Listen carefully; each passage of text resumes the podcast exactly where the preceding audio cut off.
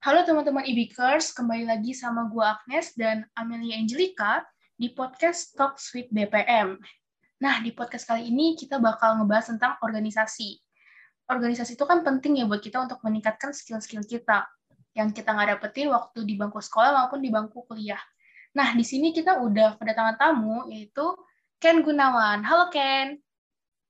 Halo, guys. Perkenalin, nama aku Ken Gunawan. Halo Kak Ken, salam kenal. Jadi mungkin teman-teman pada masih belum kenal lebih jauh nih tentang Kak Ken. Mungkin Kak Ken di sini bisa kasih tahu ke kita semua dong, eh, Kak Ken ini berasal dari jurusan apa, semester berapa nih? Oke, uh, pertama-tama perkenalan diri dari jurusan dulu kali ya. Uh, gua jurusan akuntansi angkatan 2019. Um, terus Udah, mungkin apa lagi? Semester berapa Kak Ken? Sekarang semester 5. Oke, berarti lagi sibuk-sibuknya lah ya, tugas-tugas kuliah semua lagi numpuk. Dan kalau misalkan sekarang kan uh, lagi tahun abis tahun baru nih, kalau misalkan abis tahun baru biasanya orang-orang tuh lagi pada sibuk-sibuk. Kira-kira kalian sendiri kesibukannya sekarang lagi apa nih?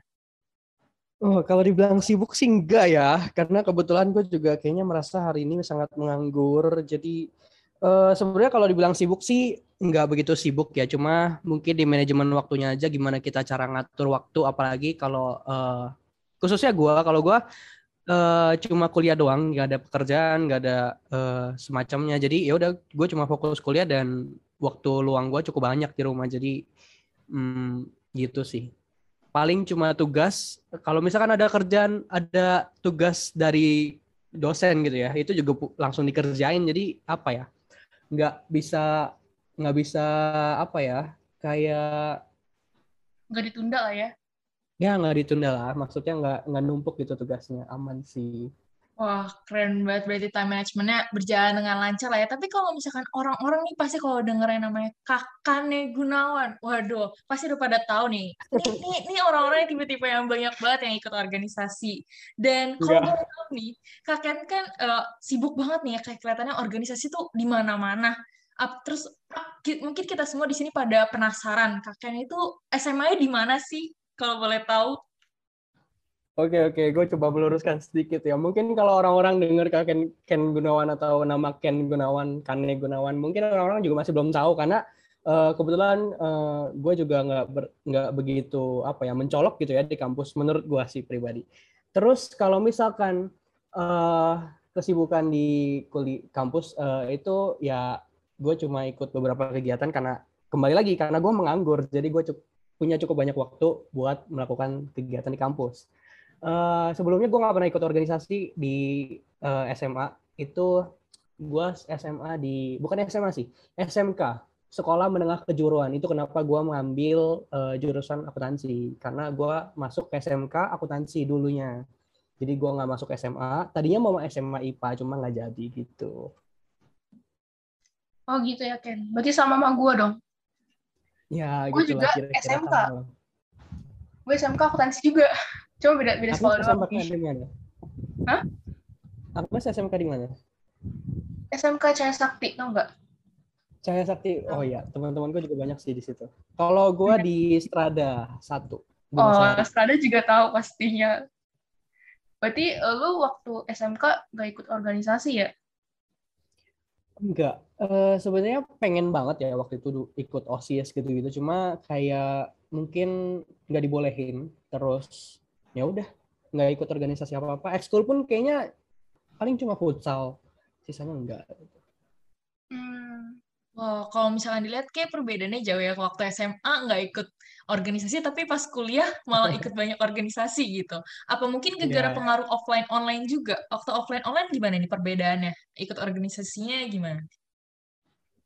Uh, kalau misalkan pengaruh offline online sih ada, tapi nggak sebegitu berpengaruh karena emang uh, kalau misalkan nggak ada corona atau semacamnya pun uh, mungkin gue akan tetap ikut organisasi. Cuma bedanya ke waktu pas kita mulai organisasi di tahun 2019 ya itu gue inget banget awal-awal ikut organisasi, awal-awal masuk kampus semester 1 2 berjalan lancar gitu ya. Tapi uh, ke semester 3 kita udah mulai corona, udah mulai uh, kegiatan udah mulai banyak yang uh, nggak Online. berjalan gitu.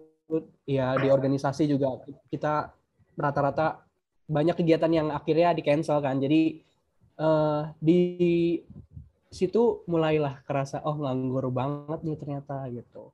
Di situ sih mulai ikut aktif di kuliah.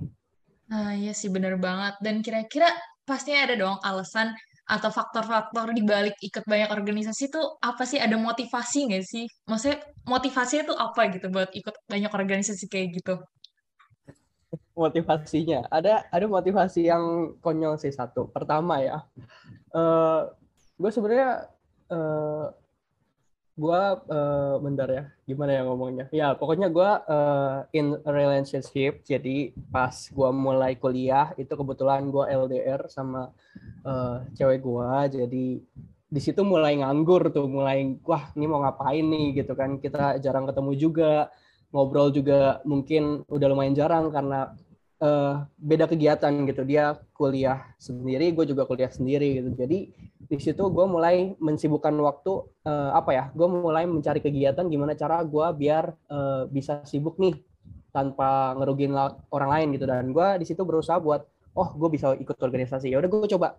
Dan uh, gue punya tujuan. Kalau misalkan nanti uh, emang gue masuk jurusan akuntansi mungkin dari SMK juga udah masuk jurusan akuntansi. Cuma kalau uh, berdasarkan passion atau cita-cita sih nggak ada hubungan sama akuntansi sama sekali gitu. Gue tuh anak yang seni banget gitu loh. Jadi uh, apa ya kalau kalau akuntansi hitung-hitungan kerja kantor gitu kayak bukan gue banget lah intinya. Tapi uh, ya udah uh, gue akan kerjakan yang terbaik sebisa gue. Jadi gue lanjutin uh, kuliah akuntansi dan gue mau suatu saat nanti gue buka bisnis banyak. Dan kalau misalkan gue kuliah tapi gue kan nggak kerja nih karena gue ambil kelas pagi kan. Jadi uh, eh, gue coba banyakin kegiatan gue di organisasi ini. Jadi organisasi ini ibarat uh, eh, gue latihan gimana manajemen waktu gue dan gimana cara gue memposisikan diri di masa depan nanti. Karena gue akan mungkin gue akan bekerja dan gue akan memegang beberapa bisnis gitu. Gue nggak gue nggak mau cuma buka satu bisnis doang. Uh, mungkin di beberapa bidang juga karena uh, gue melihat kondisi corona gitu ya. Cuma buka bisnis satu dan di satu bidang terus waktu ada corona uh, hancur bangkrut gitu dan itu nggak nggak ada pemasukan sama sekali dan itu gue belajar dari itu oh coba buka bisnis di hmm, beberapa bidang kayak satu bisnis dua bisnis coba bikin dulu. Kalau misalkan lancar baru gue lanjutin. Di sini gue latihan di kuliah ini gue latihan gimana cara gue ngehold beberapa UKM gitu. Tadinya gue cuma ambil satu UKM UKM FGI cuma uh, di tahun berikutnya mulai nambah satu lagi tahun berikutnya mulai nambah satu lagi. Gitu sih. Oh gitu ya Ken ya? Uh, yeah dari yang lu bilang tadi, berarti kan lu ngambil UKM lumayan banyak. Bisa nggak lu sebutin UKM-nya atau apa aja sih? Sebenarnya sih nggak ada yang tahu ya ini UKM ya. Cuma, uh, oke okay, mungkin gue jelasin dari awal kali ya. Kalau awal banget nih, kan dulu kita diharuskan uh, untuk mengambil uh, satu UKM pendidikan ya. Jadi gue waktu itu milih UKM FGI. Tadinya mau KF atau FGI. Cuma banyak temen gue yang di FGI jadi oh ya udah gue FGI deh. Dan karena KF itu berhubungan sama akuntansi gitu maksudnya kan uh, ada akuntansinya gitu namanya dia. Jadi kayak aduh ini gue kuliah jurusan akuntansi ikut akuntansi lagi mumet juga. Dan itu bukan passion gue jadi gue nggak mau begitu yang akun-akun banget lah ya gitu. Jadi ya coba deh finance deh masuk deh gitu. Masuk deh. Uh, di tahun pertama itu nganggur karena banyak kegiatan yang diberhentikan karena corona dan di situ gue mulai ngerasa oh mungkin bisa kali ya ambil satu UKM lagi. Nah sebelumnya gue uh, masuk UKM PD Malaki juga. Cuma kalau menurut gue ya PD Malaki itu bukan UKM karena uh, itu UKM rohani kan. Jadi kayak ibarat kita ibadah aja ibarat kita ke gereja aja. Itu kan bukan berarti kita jadi uh, masuk eskul gereja itu kan enggak jadi kayak menurut gue oh ini cuma ibadah rutinitas uh, mingguan gitu. Ya udah gue masuk ke UKM PD Malaki buat uh, ya menjaga iman lah ya. Kan banyak banyak gangguan juga ya di kampus ya. Terus gangguan di kampus itu gimana tuh? Nah, susah untuk dijelaskan ya. Maksudnya uh, kuliah itu uh, kalau kita mahasiswa ya itu kan lagi masa-masa pencarian jati diri ke masa depan banget ya. Maksudnya kayak kita ngelihat teman kita yang udah sukses wah kok dia udah sukses ya? Wah kok dia udah punya kerjaan lah. Oh mungkin ada yang udah jadi CEO lah. Tapi kita ngerasa wah kok diri kita cuma sampai di sini doang ya? Belum maju-maju apa segala macam. Pasti ada pemikiran kayak gitu. Oh kok gue nggak bisa duit orang tua terus ya? Kok gue nggak kok gue nggak bisa menghasilkan duit ya? Ada lah pokoknya pemikiran seperti itu dan uh, UKM Rohani ini yang ngehold gue supaya gue tetap fokus sama tujuan gue dan gue bener-bener apa ya percaya uh, waktu Tuhan yang terbaik. Jadi ya udah gue jalanin aja gitu. Jadi gue enjoy bener-bener enjoy. Dan gue coba lakukan yang terbaik yang gue bisa di kampus gitu. Dan UKM PDM lagi gue ketemu banyak orang-orang yang bisa nge-support gue sih. Kayak dari seniornya yang bantuin gue dari jurusan yang sama gitu. Jadi kalau misalkan ada apa-apa gue nanya mereka gitu. Nggak cuma di UKM PDM lagi di beberapa di banyak UKM juga senior senior itu pada bantuin gue kayak nyari kelas. Mungkin kalau kita uh, dulu pas awal masuk jadi maba atau mungkin maba-maba yang sekarang masuk ke kampus kan nggak tahu nih aduh ini kelasnya mana? gitu. Nyasar kan. Pertama kali masuk kampus nyasar kan pasti. Nah itu loh, yang uh, senior-senior tuh bantuin banyak di situ. Cara isi SKS, cara nyari, maksudnya uh, cara apa ya ke ngurus-ngurus SSS ke BAK segala macem gitu. Itu gue biasa tanya senior terus kayak kita nyari kelas gitu. Itu juga gue nanya senior, eh uh, kok Ci tolong anterin ke kelas ini dong gitu atau ini kelasnya di mana sih gitu dia unjukin gitu sama mereka karena kita nggak bisa nanya dosen dong. Masa iya kita nanya dosen, Bu, kelas yang ini di mana? Enggak dong. Jadi gitu guys. Bener, berarti salah satu manfaat organisasi dapat networking lah ya, dapat relasi dari banyak teman. Ya, banyak banget sih. Oke, dan kalau misalkan dilihat-lihat tadi kan udah ada uh, ikut UKM PD Malayaki, ikut UKM FGI. Nah, kalau misalkan boleh tahu kan oh. pastinya, oke, okay. karena sorry, cuma sorry. lupa kali kan. Ada lagi, ada lagi ternyata ya. Jadi uh, tahun kedua, tahun kedua gue kuliah, itu gue nambah satu uh, himpunan mahasiswa. Jadi kan kalau akuntansi kan ada himpunan mahasiswa akuntansi. Kebetulan di UKM tuh susah banget untuk nyari senior atau teman yang sejurusan. Jadi gue coba masuk ke UKM eh ke himpunan mahasiswa akuntansi yang di mana jurus uh, apa ya? Di mana orang-orangnya tuh semua jurusan akuntansi. Jadi ya udah gampang lah gitu ya kembali lagi networking lagi tapi yang jurusan akuntansi gitu loh kayak gue mau tahu nih uh, kira-kira struggle mereka di akuntansi itu apa sih? Atau dosen-dosennya tuh di akuntansi kayak gimana? Pelajarannya tuh kayak gimana? Gimana cara kita bisa uh, materi ini segala macam? Kan kita bisa nanya-nanya. Terus ada soal ujian soal latihan gitu. Materi-materi dari tahun lalu gue nanyanya ke mereka. Nah terus di hmm, sama ada satu UKM olahraga. Ya sama kayak ibadah ya. Olahraga gue merasa oh di kuliah ini kan nggak ada mata kuliah olahraga ya? Kayak dulu kita SD SMP SMA kan mungkin ada masih ada olahraga biar tetap sehat gitu. Gue kan orangnya lumayan mager buat olahraga sendiri. Jadi gue butuh sesuatu nih yang bener-bener rutinitas kegiatan olahraga. Jadi gue masuk ke UKM uh, eh, wusu buat oh. belajar. Ya tadinya mau ya antara wusu dan taekwondo gitu. Cuma gue milih wusu karena menurut gue lebih asik aja gitu di Busu. Jadi gue join waktu itu. Terus udah gitu sih sekian. Oke, berarti waduh banyak banget ya. Lumayan sih maksudnya kayak banyak banget manfaat yang bisa didapetin gitu. Ternyata ada alasan di balik semua UKM itu gitu. Tapi kalau misalkan boleh tahu nih, pernah nggak sih kayak ngerasa jenuh gitu ngelakuin banyak hal dari organisasi dan akhirnya kayak memilih untuk uh, mencari organisasi luar kampus gitu? Kalau merasa jenuh sih uh, buat gue itu siklus ya. Karena uh, entah kenapa kalau kejenuhan tuh pasti selalu ada di di jurusan. Kayak tiba-tiba nih bisa aja kepikiran ah apa gue kerja aja ya kali ya? Nggak usah nggak usah kuliah kali ya. Ada kadang ada. Cuma menurut gue itu siklus jadi nikmatin aja kalau jenuh gitu. Terus UKM juga banyak ya. Apalagi kayak uh, UKM kan nggak ada hubungan sama kuliah ya nggak ada hubungan sama nilai segala macam jadi kayak kayak dalam hati kadang tuh ya kalau lagi capek ngapain ya ngelakuin ini? Cuma kembali lagi ke tujuan awal. Tujuan awal gue masuk UKM ini tuh untuk apa? Tujuan awal gue ngelakuin ini semua tuh untuk apa? Jadi ya itu. Eh, kadang di sini gue juga belajar konsisten ya. Jenuh boleh cuma konsisten ini yang susah. Kalau misalkan gue nanti suatu saat buka bisnis dan gue nggak bisa konsisten uh, ngejalanin bisnis gue ya pasti ada capeknya pasti ada jenuhnya di bisnisnya itu itu terus lagi apalagi kalau bisnisnya nggak berkembang pasti gue jenuh banget nantinya cuma di situ gue belajar konsisten gimana cara gue uh, bisa memposisikan diri dan gimana cara gue tetap keep it going gitu jadi ya udah uh, gue gue di sini latihan gitu selama empat tahun gue kuliah ini gue berusaha untuk melatih diri gue gitu guys. Hmm. Berarti kan organisasi ini sebenarnya uh, kasih kita banyak ilmu dan soft skill yang kita nggak dapetin di luar kampus mm-hmm. dan sekolah kan ya. Tapi lu punya nggak sih pendapat menurut lu kan kita pasti banyak dengar tentang wah ini orang masuk organisasi biar menu-menuhin CV aja kali nih atau gimana? Menurut lu gimana tuh Ken?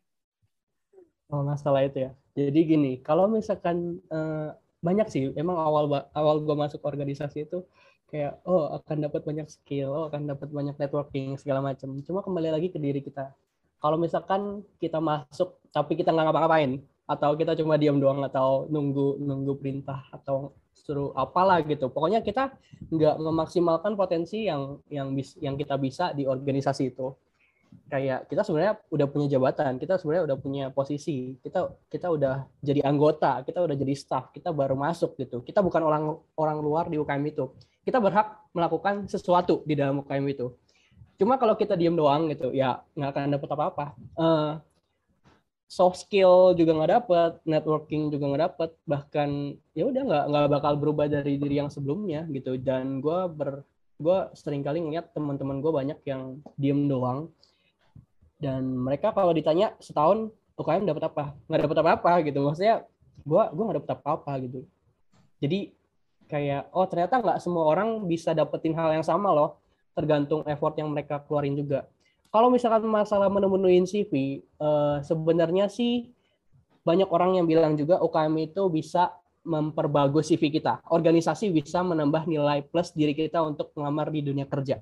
Tapi kembali lagi, kalau misalkan organisasi tapi cuma pasif, cuma diam doang, nggak jadi organ, nggak jadi anggota aktif, ya ya nggak guna di CV juga nggak guna gitu mau dipakai buat kerja juga nggak guna malah itu ibarat nilai 100 tapi nyontek gitu jadi kayak uh, otaknya kosong gitu kalau dibelah tuh otaknya kosong jadi kayak ya udah nggak guna gitu. Jadi apa ya kalau bisa sih aktif. Dan awal banget gue masuk UKM itu uh, ada beberapa orang di tempat kerja bilang ke gue uh, usahain kamu kalau misalkan masuk suatu organisasi uh, jadilah ketua.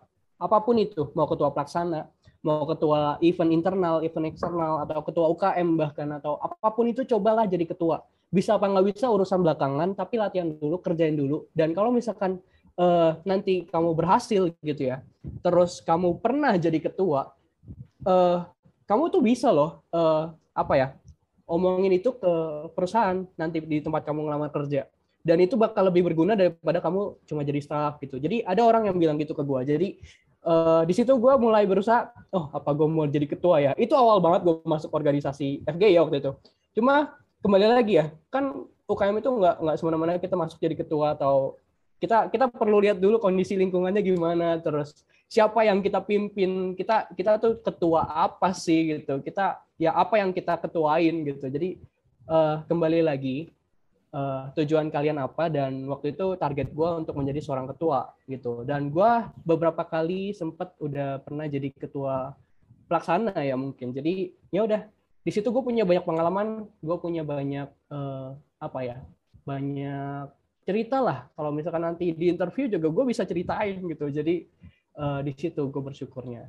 Terus sertifikat kalau untuk buat CV ya gue nggak tahu sertifikat itu seberapa bergunanya tapi menurut gue yang berguna itu bukan sertifikatnya tapi pengalamannya. Kalau misalkan kita ada sertifikat tapi kita nggak bisa jelasin sertifikat kita isinya apa pengalaman kita apa ya nggak guna juga sertifikatnya. Kayak oh cuma dapat sertifikat palsu gitu. Ibaratnya gitu ya. Oh cuma dapat sertifikat kosong. Gitu sih Ya berarti yang salah bukan organisasi tapi kita sendiri gitu yang mungkin eh, nggak uh, mau maju atau karena mungkin diem aja pasif gitu kan di organisasi. Nah tapi pernah nggak sih kak Ken kayak uh, mungkin karena banyak ya uh, tugas dan tanggung jawab dari organisasi terus juga mesti kan sekarang kan semakin tinggi semester kan semakin banyak mungkin tugas-tugasnya atau mungkin pernah nggak sih kayak ngerasa keteteran dan itu gimana tuh time management dari kakek sendiri? Ngerasa keteteran. Sebenarnya ada sih dan kembali lagi ya organisasi itu kan bukan kita sendiri ya. Terus kalau di kuliah kalau misalkan ada tugas rata-rata pasti tugas yang ketumpuk tuh tugas kelompok ya menurut gua. Kalau tugas individu apa segala macam biasa tuh dosen ngasihnya ya udah bener-bener pas-pasan kalau nggak hari ini. Misalkan jam 12 kuliah selesai jam 2 dikumpulin tugasnya. Itu kalau tugas individu ya. Cuma kalau misalkan tugas biasa gitu ya eh kayak tugas kelompok gitu ya. Itu kan pasti bareng-bareng kelompok. Jadi gue cukup mengandalkan teman gue untuk bisa uh, apa ya kerjain bareng-bareng gitu. Itu sama-sama ngandelin tim sih. Terus organisasi juga kita nggak sendirian. Jadi kalau kita lagi sibuk pasti ada orang yang bisa backup kita di situ. Jadi nggak semua hal kita harus kerjain walaupun manajemen waktu kita baik gitu. Cuma kalau kita kerjain semuanya sendirian ya nggak akan sempat 24 jam itu waktunya sangat kurang. Dan gue beberapa kali sempat ngalamin 24 jam tuh kurang banget ya buat buat sehari-hari gue gitu buat kuliah segala macam. Jadi uh, di situ gue belajar juga ngandelin tim gue uh, ngandelin teman-teman gue di beberapa uh, apa ya tugas. Jadi ya udah gue bisa ngatur semuanya gitu guys. Mungkin dari Ken sendiri ada nggak pesan-pesan buat maba-maba di luar sana yang takut buat mulai berorganisasi gitu. Kan lo backgroundnya lumayan banyak ikut organisasi kan. Mereka nih pada takut untuk berorganisasi gitu. Mungkin pesan-pesannya apa nih Ken? Kalau uh, dari gua ya mungkin uh, jangan takut ya nggak usah takut karena buat apa takut ikut untuk ikut organisasi gitu. Maksudnya ini kan cuma organisasi belum belum ikut masuk ke perusahaan belum kerja gitu. Kalau organisasi aja takut gimana mau kerja gimana mau buka bisnis? Ya kalian nggak akan bisa nantinya. Terus kalau misalkan uh, masuk ke dalam organisasi atau melakukan sesuatu hal gitu ya uh, selalu ingat jangan pernah uh, takut untuk ngelaku ngelakuin kesalahan nggak apa-apa ngelakuin kesalahan tapi jangan melakukan kesalahan yang sama gitu. Jadi ya udah cukup cukup ngelakuin kesalahan dan nanti kalian akan berkembang dengan sendirinya gitu. Terus ada juga kayak uh, di situ kita kita bisa menjadi the best version of me gitu. Jadi kayak kayak apa ya kita bisa bisa lebih baik lagi dari sebelumnya. Dan gua rasa organisasi nggak seribet itu ya. Maksudnya nggak semenakutkan itu untuk di cobain.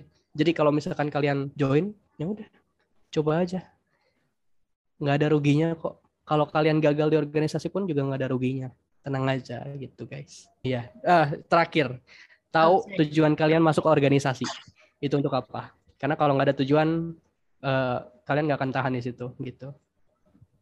Wah, oke okay deh. Thank you banget nih buat Kaken atas resolusinya ya. Mungkin buat para teman-teman mahasiswa IBKKG yang masih ngerasa takut buat ikut organisasi, please tolong dicontoh ya. Jangan takut buat salah dan jangan jangan jangan takut buat coba lagi coba lagi jangan takut buat berani ngambil resiko terus juga uh, jangan insecure dan tetap uh, berani buat memulai suatu hal yang baru dan thank you banget buat Kaken yang sudah bersedia untuk meluangkan waktunya di podcast kita kali ini tentang candu organisasi.